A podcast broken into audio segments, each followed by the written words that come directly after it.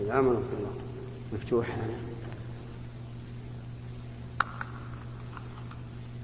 اللهم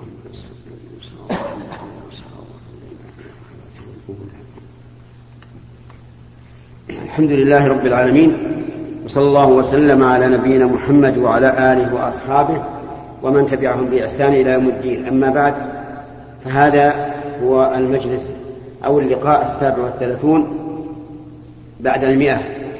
من لقاءات باب المفتوح الذي يتم كل خميس من كل أسبوع وهذا الخميس والخامس من شهر جمال الثاني عام ستة عشر وأربعمائة وألف عام سبعة عشر وأربعمائة وألف. نبدأ فيه كما هو العادة بتفسير آيات من كتاب الله عز وجل ونحن في سورة قاف.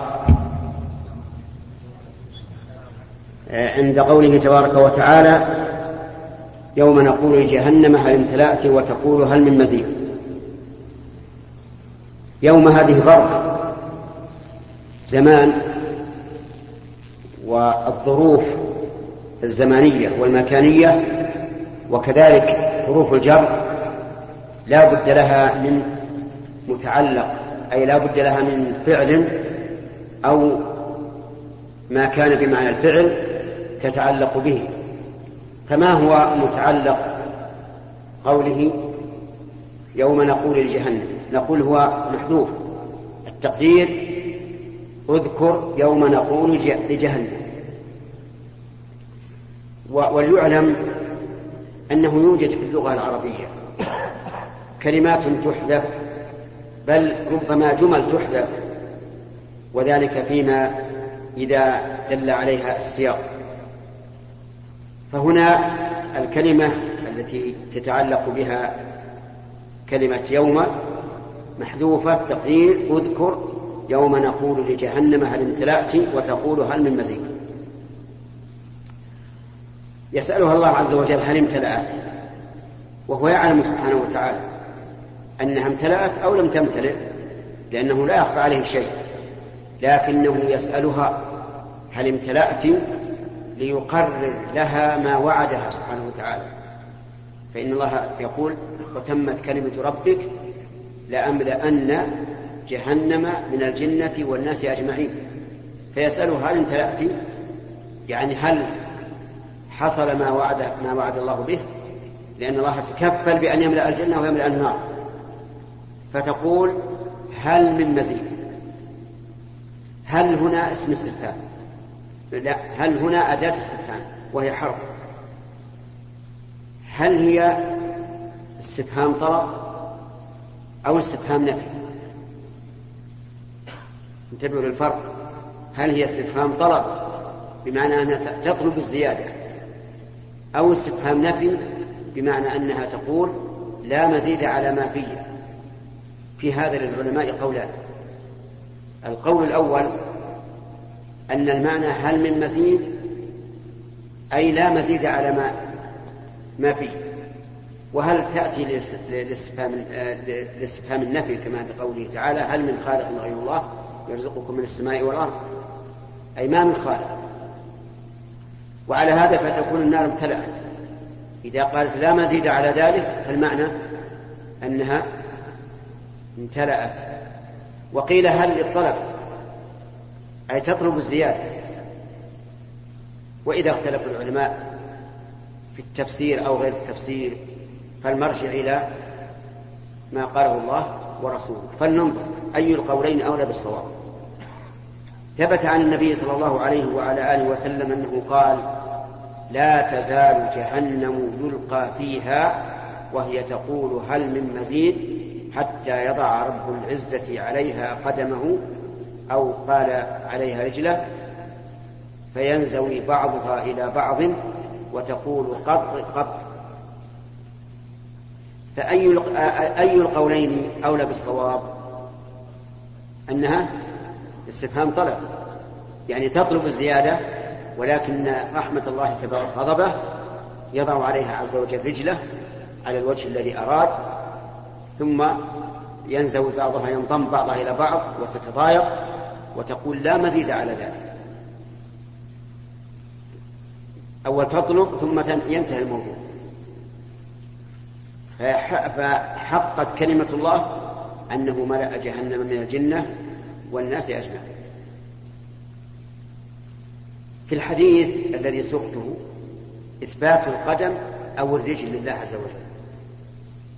فهل هو قدم حقيقة أو قدم بمعنى المقدم يعني يضع الرب عز وجل من يقدمهم إلى النار حتى يملأها.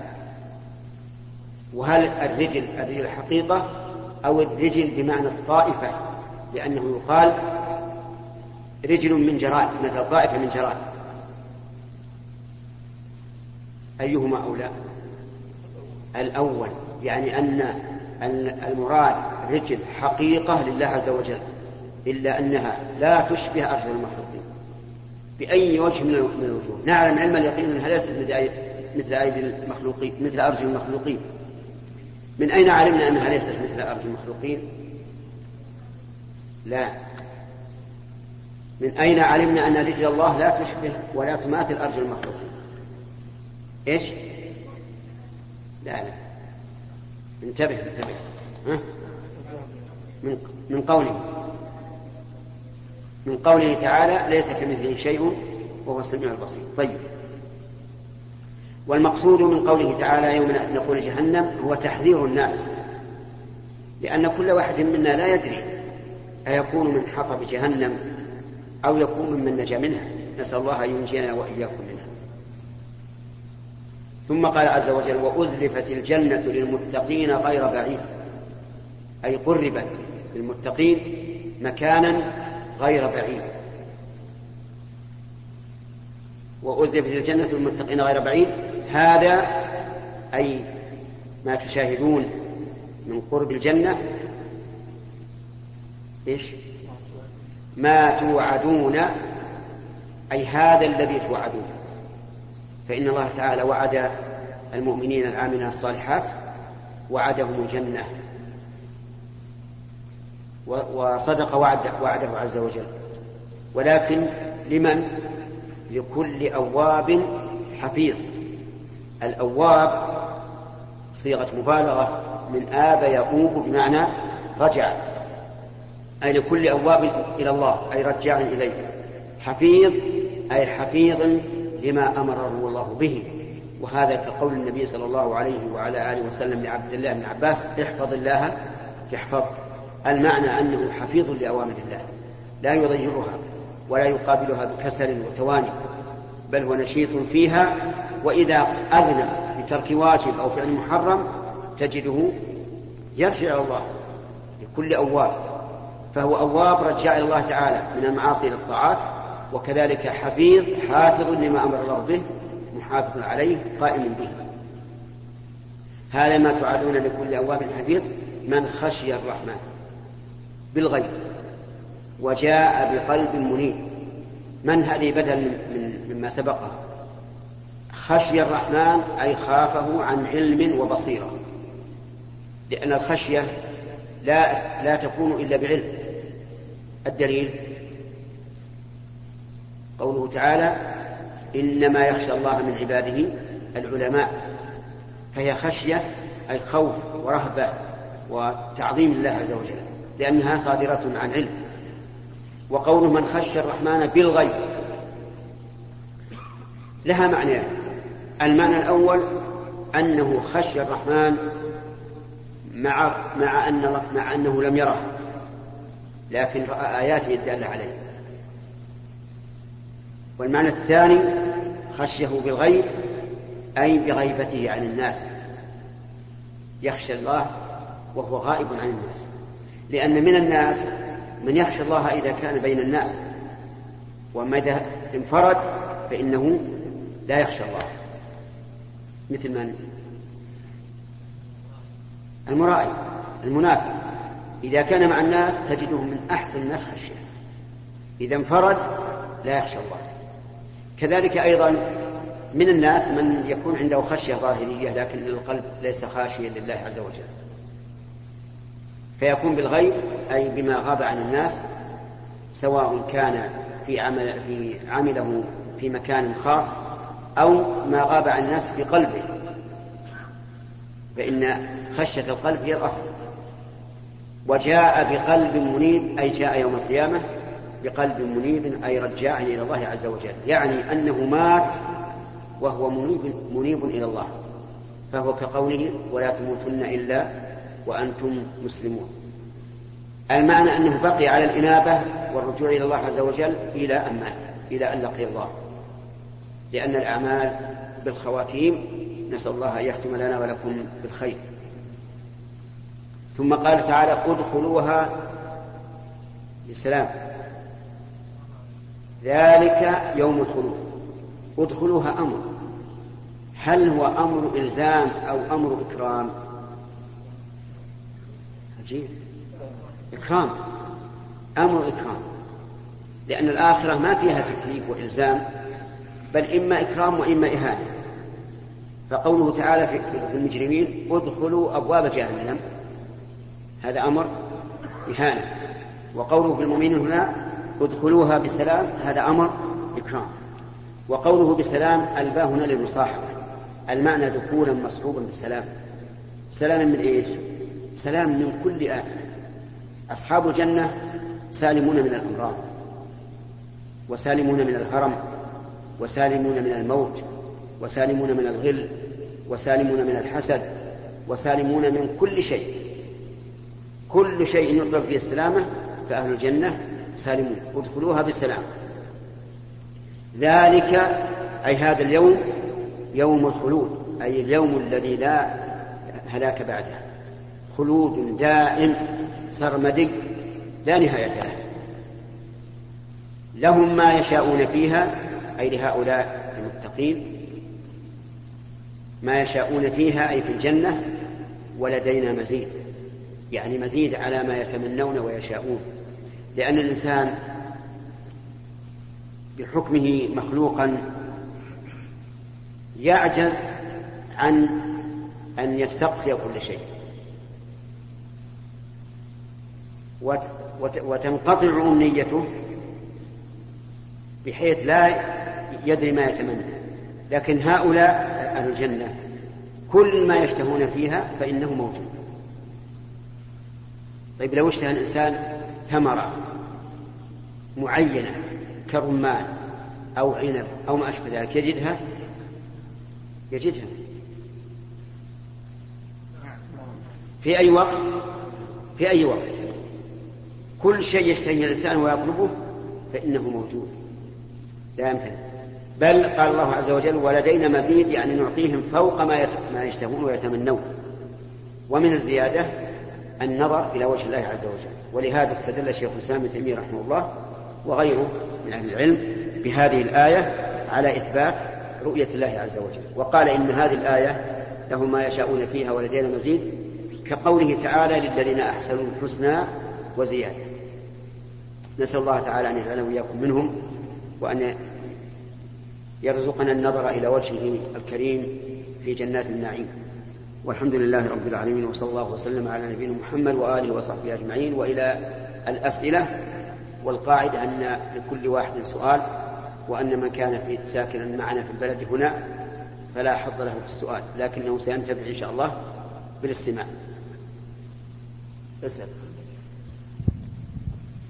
بسم الله الرحمن الرحيم الحمد لله رب العالمين والصلاة والسلام على نبينا محمد وعلى آله وصحبه أجمعين. جزاكم الله خير ونفع الله بكم الإنسان المسلمين. ما رأيكم في الصلاة في المساجد التي يكون بينها وبين القبلة؟ يعني بين الإمام وبين القبلة؟ قبور. نعم قبور. وبينه وبين هذه القبور حوائل إما أن يكون جدار أو أن تكون هناك مسافة بعيدة. نعم. آه، إذا صلى الإنسان في مسجد آه، أمامه مقبرة. فإن كان هناك فاصل آه، شارع مثلا أو جدار تام بحيث يكون المصلون لا يشاهدون المقبرة فلا بأس بذلك. أما إذا كان قريبا يلي المسجد مباشرة وليس فيه جدار أو فيه جدار قصير بحيث يشاهد المصلون هذه القبور فإنه لا يجوز. لأن النبي صلى الله عليه وعلى آله وسلم قال لا تصلوا إلى القبور ولا تجلسوا عليها. هو فناء فناء مسجد واحد. نعم.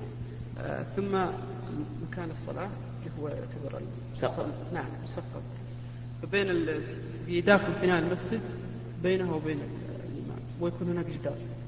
هل يعتبر هذا؟ يعني قريب؟ بناء المسجد يعني سور سور سور المسجد؟ نعم في سور المسجد. في سور المسجد. نعم. معناها المقبرة تلي المسجد مباشرة. نعم. ما يجوز لابد أن نخرج من هذا الفناء سوقا يتطرق الناس.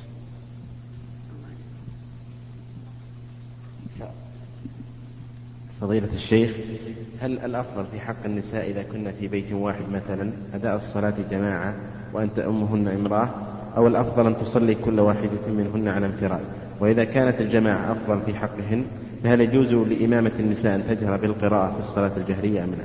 جزاك الله آه، صلاة النساء جماعة في بيوتهن آه، فيها خلاف بين العلماء. منهم من يقول إنها سنة ومنهم من يقول ليست بسنة.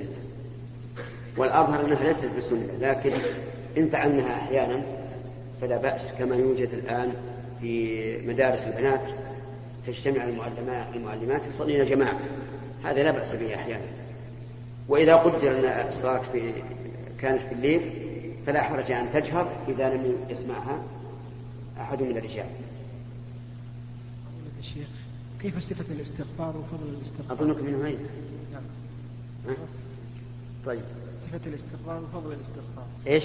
صفة الاستغفار وفضل الاستغفار، لأن أحد الأخوة أحد أنكر عليه بأن أستغفر الله الذي لا إله إلا هو وأتوب إليه أستغفرك وأستغفرك من كل ذنب عظيم، قال لا ما تؤمن من كل ذنب عظيم. آه الاستغفار أن يقول الإنسان اللهم اغفر لي أو يقول أستغفر الله وأتوب إليه. أو يقول سيد الاستغفار اللهم أنت ربي لا إله إلا أنت خلقتني وأنا عبدك وأنا على عهدك ووعدك ما استطعت أعوذ بك من شر ما صنعت أبوء لك بنعمتك علي وأبوء بذنبي فاغفر لي إنه لا يغفر الذنوب إلا أنت. ولا حاجة على الإنسان أن يزيد شيئا لكن لا بقصد التعبد لله بذلك ولكن باب الدعاء مفتوح مثل أستغفر الله وأتوب إليه من كل ذنب وما أشبه, وما أشبه ذلك. وقد كان الخطباء يقولون على المنابر؟ آه، أقول قولي هذا وأستغفر الله لي ولكم ولسائر المسلمين من كل ذنب فاستغفروه إنه غفور رحيم. ولا حرج أن تقول اللهم اغفر لي أو أستغفر الله من كل ذنب عظيم أو ما أشبه ذلك. ليس فيه بأس. نعم. فضيلة الشيخ أنا الخادمات في عندنا بالبيت خادمة وقلت لأهلنا والوالدين قلت لهم يعني يحاولون يشيلونها يعني نبعد نشيل عن البيت. اي تردونها إيه. إيه نعم. قالوا لهم قالوا لا ما نقدر يعني. وهي على قدر يعني من الجمال نعم. فهل يوم ردوا علي قالوا لي ما نقدر أو جايز لك اللي بكيفك هل تنتهي مسؤوليتي أنا كذا ولا أو أقدر أطلب منها شيء إذا طلبت طلبت شيء؟ أولا بارك الله فيك الخادمات لا نرى أنها تأتي بلا, بلا محرم لا بد من محرم هذه واحدة. وإذا لم يكن لها محرم فالواجب أن يطلبوا محرمها أو يردوها. هذه واحدة. ثانيا إذا كانت لا تتحجب عند الرجال الواجب أن تجبر على الرجال أي تغطي وجهها. لا بد من هذا. ثالثا إذا كان الإنسان يخشى على نفسه منها لكونها شابة أو جميلة أو ما أشبه ذلك فالواجب أن أن تبعد عن البيت. لأن, لو قدرنا أن الأب سلم من شرها فالأبناء قد لا يسلمون من شرها. وإذا خشي الإنسان على نفسه خشية مباشرة حقيقة فالواجب عليه إذا كان عنده قدرة وأبى وأبى أهله أن أن يردوها أن ينفرد ببيت وحده لأن المسألة ليست هينة والشيطان يجري من ابن آدم مجرى الدم. فربما يوسوس له في يوم من الأيام أو ليلة من الليالي أن يفعل معه فاحشة فأنت أولا قل لهم أن هذا خطر علي وعلى خلقي وديني فإن أبيتم إلا أن تبقى فلا بد من أن يأتي محرمها معه. وإن أبيتم ذلك فاسمحوا لي أن أنفرد في سكن وحدي إذا كان عندك قدرة اي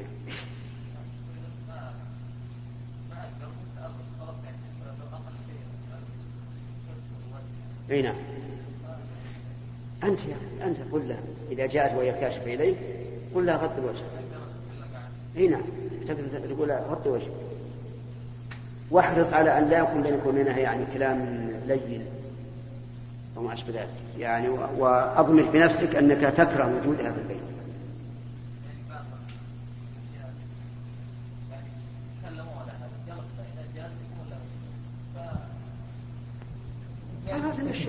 يجيب الله غيره. ما يصير هذا لا لا ابدا ولا قطع رزق هذا اتقى شر. شيخ بارك الله فيك. استشعار الذكر في الصلاة وفي قراءة القرآن. أحيانا الإنسان يعني يستشعر الألفاظ ومعانيها وأحيانا يفوت عليه الكثير. أي نعم. ما رأيك في يعني الصلاة؟ أي نعم. الإنسان لا شك إذا كان يصلي أنه أحيانا يستحضر ما يقرأه ويستحضر ما يدعو به ويستحضر الذكر وأحيانا يغفل ويمشي على العادة ولا يدري إلا وهو واصل إلى السلام. فنقول إن, إن أمكن أن يستحضر ما يقول وما يفعل فهو أفضل وإن لم يمكن فصلاته صحيحة. لكنها ناقصة. نعم. شيخ حسن الله إليك إذا عمه الشخص بدنه بالماء غسلا للجمعة أو لنظافة هل يجزئه عن الوضوء؟